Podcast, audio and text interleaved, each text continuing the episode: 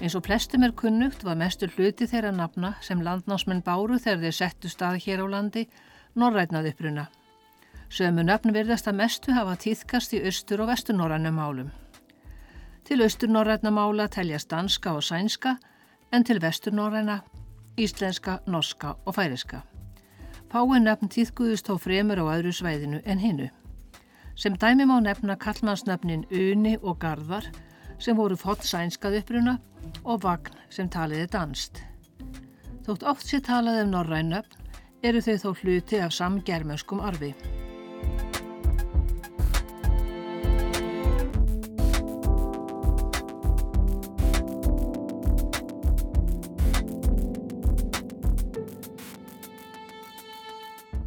Orð hafa margskonar einkenni. Sum eru æfinlega einsað útliti, önnur breyta um mynd eftir því hvað sambandi þau eru við önnur orð. Orð sem breyta um mynd eftir stöðu sinni eru sögð beigjanleg. Sagt er að þau beigist eða hafi beigingu. Dæmi um það eru setningarnar þarna er hestur, þarna eru hestar, hann kom með hest, hann rak hesta. Fallorð nefnist sér hvert einstakt orð sem staðið getur í ýmsum föllum. Það þarf ekki að breytum mynd við beiginguna en getur verið eins í öllum föllum. Nafnorð fallbegjast. Dæmi, eintala, nefnifall, gestur, þólfall, gest, þáufall, gesti, eignarfall, gests. Fleirtala, nefnifall, gestir, þólfall, gesti, þáufall, gestum, eignarfall, gesta.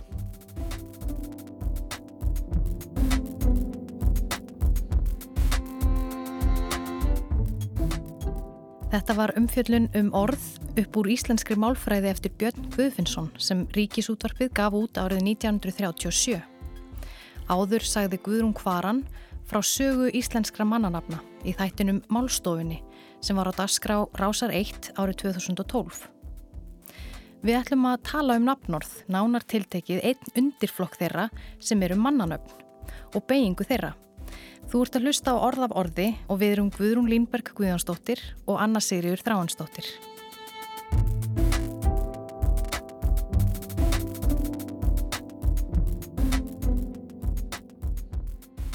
Nafnorð eru einn af stóru og virku orðflokkunum á samt sagnorðum og lýsingarorðum.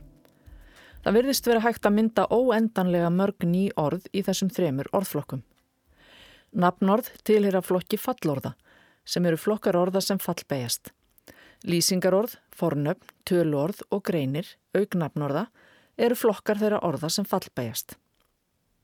Orði í orðflokkum sem ekki teljast til fallorða, fallbegjast ekki. Það eru sagnorð og smáorðin svo kalluðu. Það er samtengingar, fórsetningar, atviksorð og fleiri. Nafnorð fallbegjast. Þau hafa fast kyn og begjast í eintölu og fleirtölu. Þau geta tekið greini sem fylgir þá kyni og beigingu orsins. En málið er þó alls ekki svona einfalt og nafnorð eru ekki öll þar sem þau eru séð. Sum nafnorð eru til í fleiri en einu og jáfnvel fleiri en tveimur kynjum. Dæmi um það er skúr sem er til bæði í karlkinni og kvenkinni. Og það að jamt við um merkinguna regnskúr og kofi. Annað dæmi eru töku orðin jógúrt og saft sem hjá sumum eru kvenkinsorð og hjá öðrum kvorukinsorð. Þá má nefna orðið skurd eins og eggjaskurd sem er til í öllum þremur málfræðilegu kynjónum, kvenkinni, kvorukinni og karlkinni. Hún skurdnin, það skurdnið og hann skurdnin. Auk þess eru ekki öll nafnorð beigð bæði í eintölu og fleirtölu. Fjölmörg orð eru aðeins til í eintölu eða fleirtölu. Oftast eru ekki neinar málfræðilegar hömlur á því að orðin beigist ekki báðum tölum, heldur fremur merkingarlegar og svo tengist það málvenju. Stundum er til dæmis sagt að nafnorð sem höfður um eitthvað ótæljanlegt séu aðeins til í eintölu, orðin svo mjölk, kveiti, mjöl og bensín. Um þetta er þó ekki til neinn algild regla sem hægt er að stóla á. Erfitt er til dæmis að raukstiðja að verð og flug sé eitthvað ótæljanlegt en engaða síður krefst málvenjan þess að þessi orð séu helst bara nótuð í eintölu. Eittvert rót verist þó komið á málvenjuna og þess vegna finnst mörgum í hæsta máta eðlilegt að auglýsa vörur á góðum verðum eða að tilkynna að svo og svo mörgum flugum hafi verið frestað.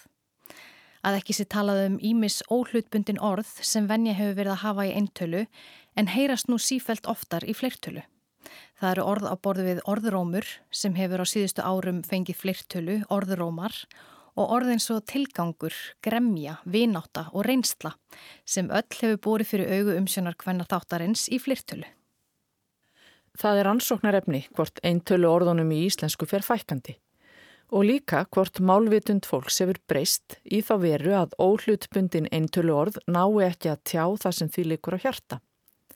Það er að segja, ef ég sé tvennan tilgang með lífinu, þá séu tilgangar lífsmýns tveir en ekki tilgangurinn tvennskonar. Og ef ég heyri orðróm einhver staðar og svo aftur annar staðar um sama efni en ekki endilega alveg eins, þá séu tveir orðrómar á sveimi um það sama. Fleirtölu orð virðast aftur á móti frekar halda velli sem slík. En það er fleira forvitnilegt við nafnorðabeyingu. Svo fullirðing úr námsbókunum að hvert nafnorð hafi aðeins eina mögulega beyingu er ekki allskosta rétt. Til dæmis eru til Karlkins nafnorð sem hjá sumum fá i-endingu í þáfalli og hjá sumum ekki. Dæmi um það eru orðin diskur og baukur og það eru til nafnorð sem hafa alls ekki fast kyn heldur skipta um kyn eftir tölu. Orðið foreldri er þekktasta dæmið um það. Kvorukynsorð í eintölu og karlkynsorð í flertölu. Þótt kvorukyn sækja á í flertölunni.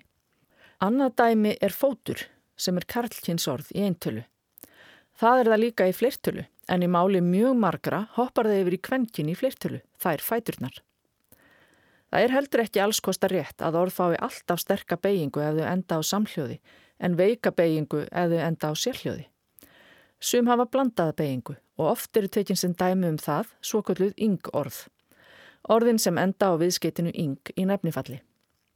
Það eru orðin svo virðing, greining og dreifing. Ef þau fylgdu reglunni um sterku beiginguna væri þau virðing, greining og dreifing í þólfalli og þáfalli og virðingar, greiningar og dreifingar í eignarfalli. En þau eru virðingu, greiningu og dreifingu í þólfalli og þáfalli og hafa svo ríka tilneyingu til að verða líka virðingu, greiningu og dreifingu í eignarfalli. Og þá er það kallað málvilla. Deila má um hvort það telst villa en það er allavega í andstöðu við málvenju. Hvernig sem því er farið má ljóst vera að það má greina þörf fyrir að samræma beiginguna á þessum orðum í þessari breytingu.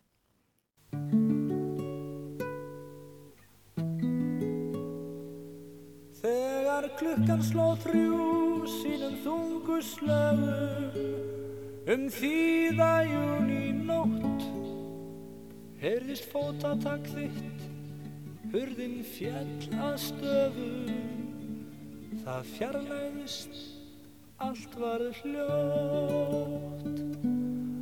Þá fórstu þá fórstu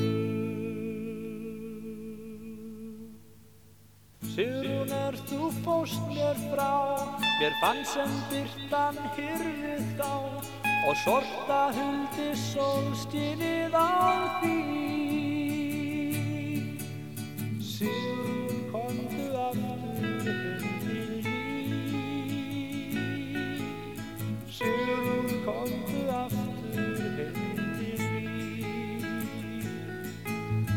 Sigrun veist að sér Mig svefnin flýr en þúsund föld Mín óngar þrá sem aldrei framar glý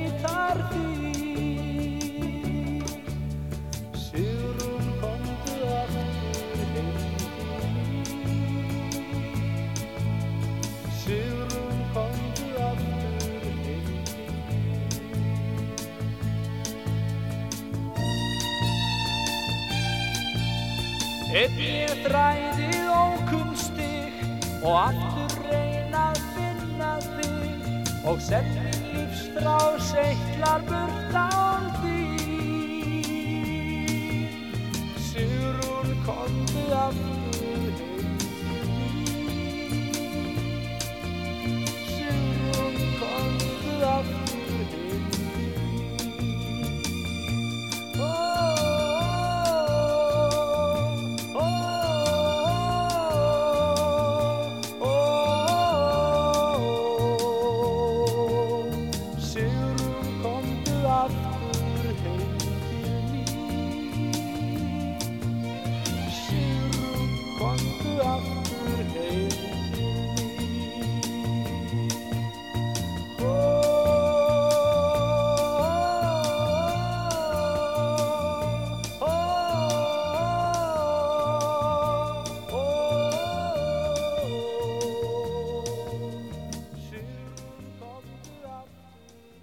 Erum smátt og smátt að fykur okkur í áttina að umfjöllunarefni þáttarins sem eru mannanöfn og beiging þeirra. Því að nafnorð eru ekki alveg eins einfaldur orðflokkur og stundum er látið í veðri vaka. Þessum stóra og umfangsmikla orðflokki er stundum skipt í tvo undirflokka, samnöfn og sérnöfn. Samnöfnin svo kölluðu eru þessi venjulegu nafnorð ef svo má segja.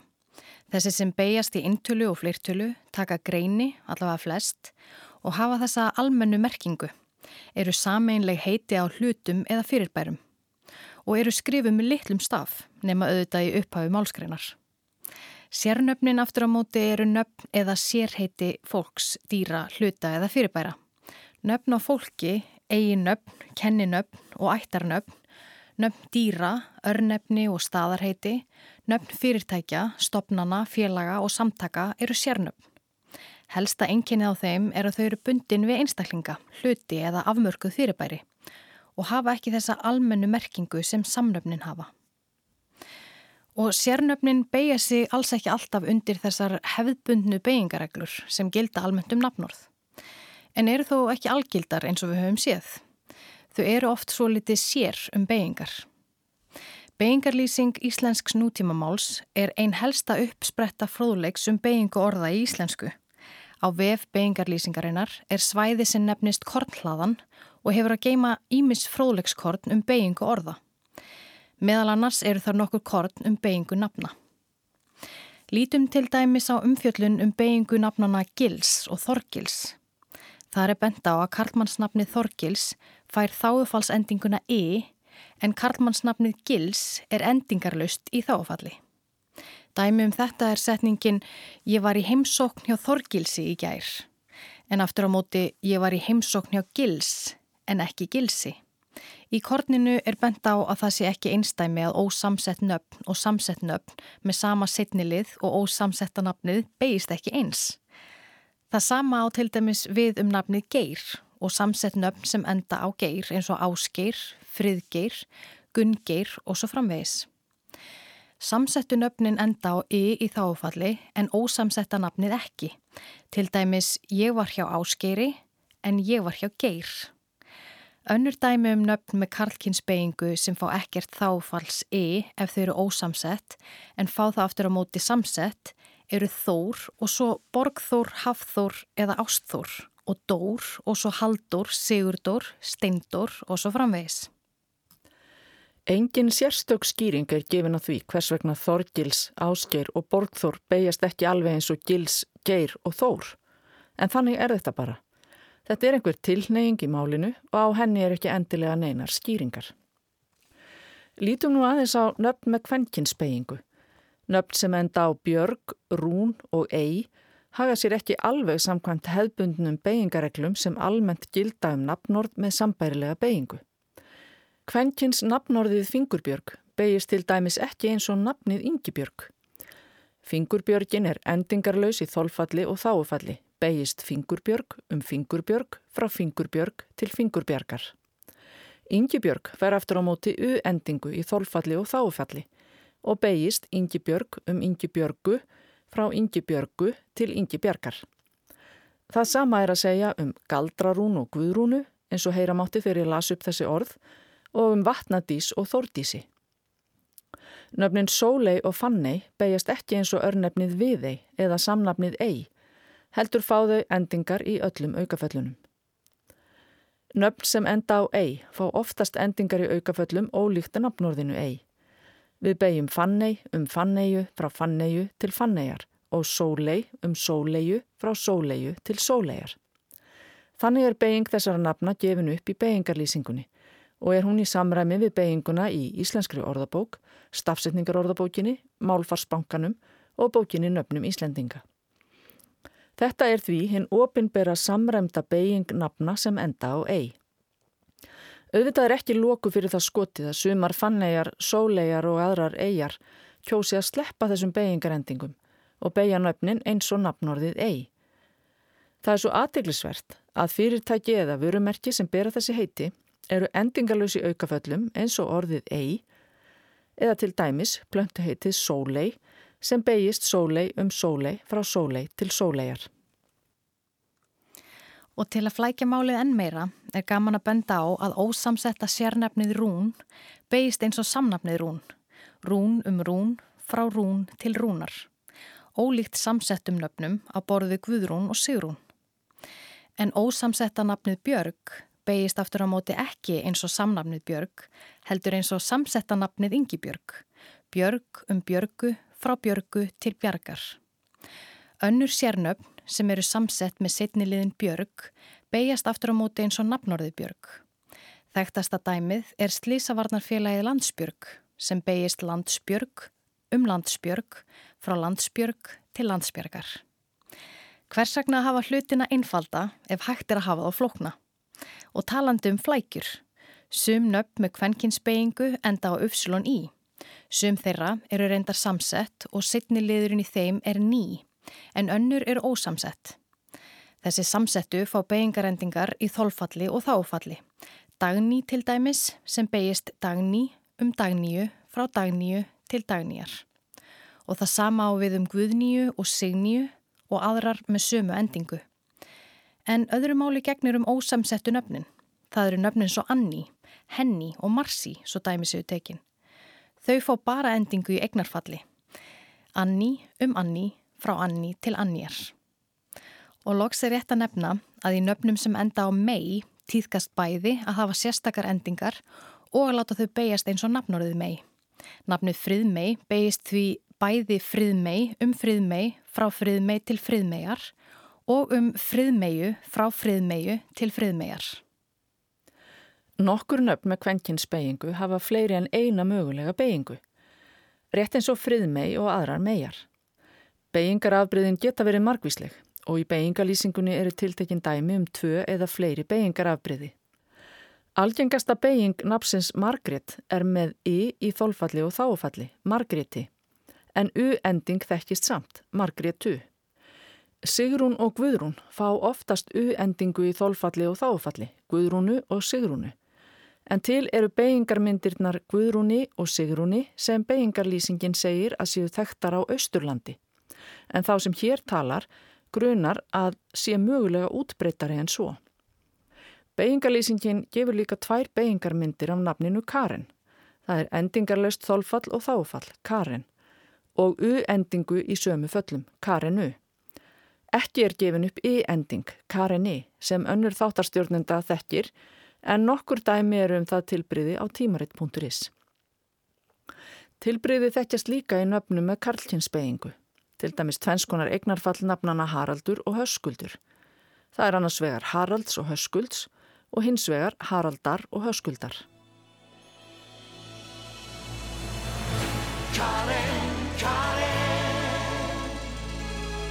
Þér heiti ég því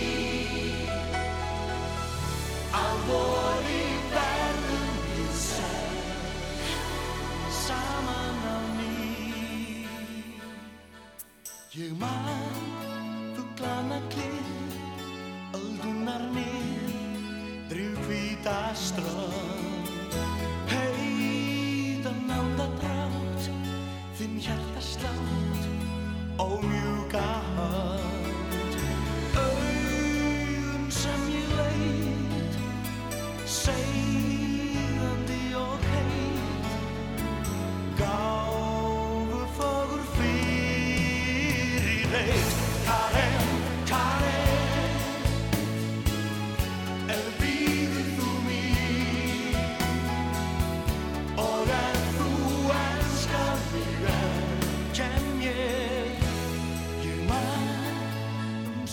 nótt er allt var hljótt.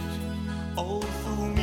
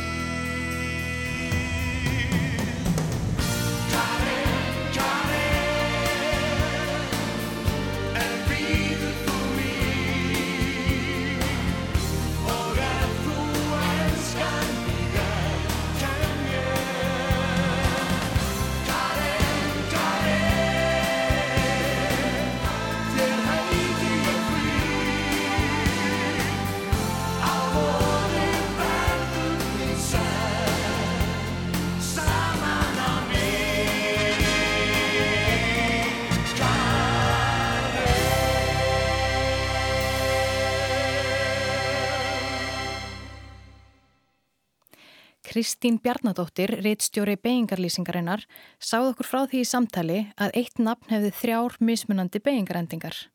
Mögulega að Karen frátalinni. Það er nafnið Berglind.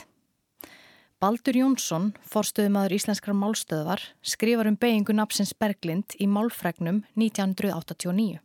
Konan okkur hrefst svo að flugkappanum Charles Lindberg og afregum hans að hún ákvaða að láta svon sinn heita Lindberg í höfuðið á honum.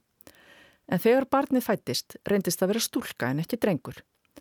Konan vikslaði þá liðum í nafninu svo að úrvarð hvernmannsnafnið Berglind. Engin skal gerður ábyrgur fyrir þessari sögu en hún er ekki verið en það að hún gæti vel verið sönn eða átt að minnstakosti við einhver rök að styðjast. Baldur hefur eftir Guðrúnu Kvaran að engin merki sér um nafnið Berglind fyrir 1930. Það komi fyrst til sögunar á árunum 1931 til 1940 sem er skömmu eftir að Téður Lindberg flög fyrstur manna í einum áfanga og einn síns liðs yfir Allandshaf frá New York til Parísar og varð heimsfrægur fyrir. Þessu góða nafni fylgir þó sá annmarki að mikil óvissa ríki um beigingu þess. Sum íslensk mannanöfn beigjast á fleirin einn veg. Um það vitnar nótkunn fólks í tímans rás. Baldur tekur sem dæmi nöfn sem oft eru til vandraða í beigingu Það eru nöfn af erlendum uppruna sem beigjast í karlkinni sem eru endingarlaus í nefnifalli. Sum fylgi fastri reglu eins og Jónas, Nikolás, Jóhannes og Andrés. Öll þessi nöfn hafa endinguna E í þáfalli og R í eignarfalli. Önnur og miklu fleiri fylgja ekki þessari reglu. Eignarfallsendingin er oftast S en í þáfalli er þrent til. Nöfnin svo Jón og Stefán. Sum nöfn hafa alltaf endinguna E í þáfalli, Jóni og Stefáni. Önnur eins og Benedikt og Benjamin eru endingarlaus og enn önnur hafa ímist endingu eða ekki, nöfn eins og Jakob og Konráð. Þessi nöfn setja margan mann í vanda, bæði lærða og leika, því að ekki er auðséð eftir hvaða reglu þessi óregla fer, skrifar Baldur. Óvissan er í þólfalli og þáfalli nafnsins Berglind. Miðað við sterkabeyingu íslenskra kvenkinsorða almennt ætti þrent að koma til álita, skrifar Baldur. Berglind endingarlaust, berglindi og berglindu. Og allir þrýr kostirnir eru til í reynd. Sennilega er þó algengast að berglind fái endinguna E í þólfalli og þáfalli. Það er þó ekki alltaf hægt að miða beyingu mannanafna við beyingarflokkun annara orða málsins. Þar hefur gætt lítilsáttar misræmis allt frá upphafi Íslandsbyðar, skrifar Baldur.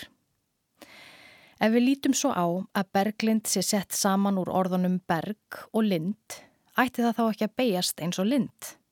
Lind um lind, frá lind til lindar. Sumir vilja hafa það þannig. Algengast er að nöfn sem beigjast í kvenkinni endi á U í þólfalli og þáfalli. Það gera til dæmis öll nöfn með veika kvenkinsbeigingu. Ef nafn hefur sterka kvenkinsbeigingu eins og berglind, endar það í bæði þólfalli og þáfalli á annað U eða I. Eins og tilfellið er með nöfnin Þorbjörg og Áskerður, Þorbjörgu og Áskerði. Baldur skrifar að nafnið Berglind leitist við að hafa aðra beigingu en samsett nafnorð með sittni liðin lind, eins og uppsprettu lind. Nafnið sé staðfast í því að viðhalda því sem hann kalla reglubundið misræmi sem fyrir lungur orðið að fastri reglu. Það sé sem sagt orðið regla að samsett nöfn sem taka kvenkinsbeigingu af þessu tægi beigist ekki eins og síðar liður þess í samnöfnum. Rögréttast sé að berglind sé berglindu í þólfalli og þáfalli. Endingin I sem talin er algengust gæti verið vegna áhrifa frá öðrum nöfnum sem beigast í kvenkinni og enda á y í þólfalli og þáfalli eins og til dæmis áskerður, ragnheður og þórhildur. Þó að þau séu alls ekki sambarileg við nafni Berglind, nema þá helst tísarnöfnin. Baldur nefnir að það hafi lengi týðkast að nöfnin svo Elisabeth, Katrín, Kristín og Margret fái í endingu, en þau hafi öll upphaflega endað á u í þólfalli og þáfalli. Það gerðu að vísu enn, skrifar Baldur, En þó sé orðið algengara að segja Margreti en Margretu og Elisabethi sé ekki óþægt í stað Elisabetu. Í-endingin sé svo áleitin að hún sæki jafnvel í nöfn eins og Guðrún og Sigrún eins og við nefndum áðan. Það er skiljanlegt að fólk aðhyllist endingarleysi í þólfalli og þáfalli napsins Berglind, skrifar Baldur. Erfiðar að átt að segja á því hvað ræður beigingunni Berglindi þó að hún virðist hafa orðið ofan á. Auðvildast sé raukstiða beiginguna berglind um berglindu frá berglindu til berglindar.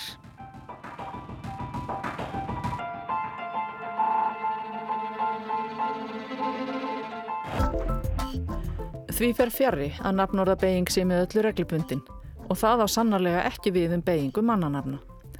Við höfum tæft á beigingu nokkur að nafna en sjálfsagt væri hægt að gera marga þætti við mannanöfn svo ekki sem minnst á aðra flokka sérnafna. Við skulum í lokin heyra hvað Guðrún Kvaran hafði að segja um nöfni verkum Halldórs Lagsnes í þættinum Málstofinni. Tæknimaður þáttarins er Lítja Gretarsdóttir, við heyrðum lögin Sigrún með Vilhjálmi Vilhjálmsinni og Karen með Bjarnar Arasinni.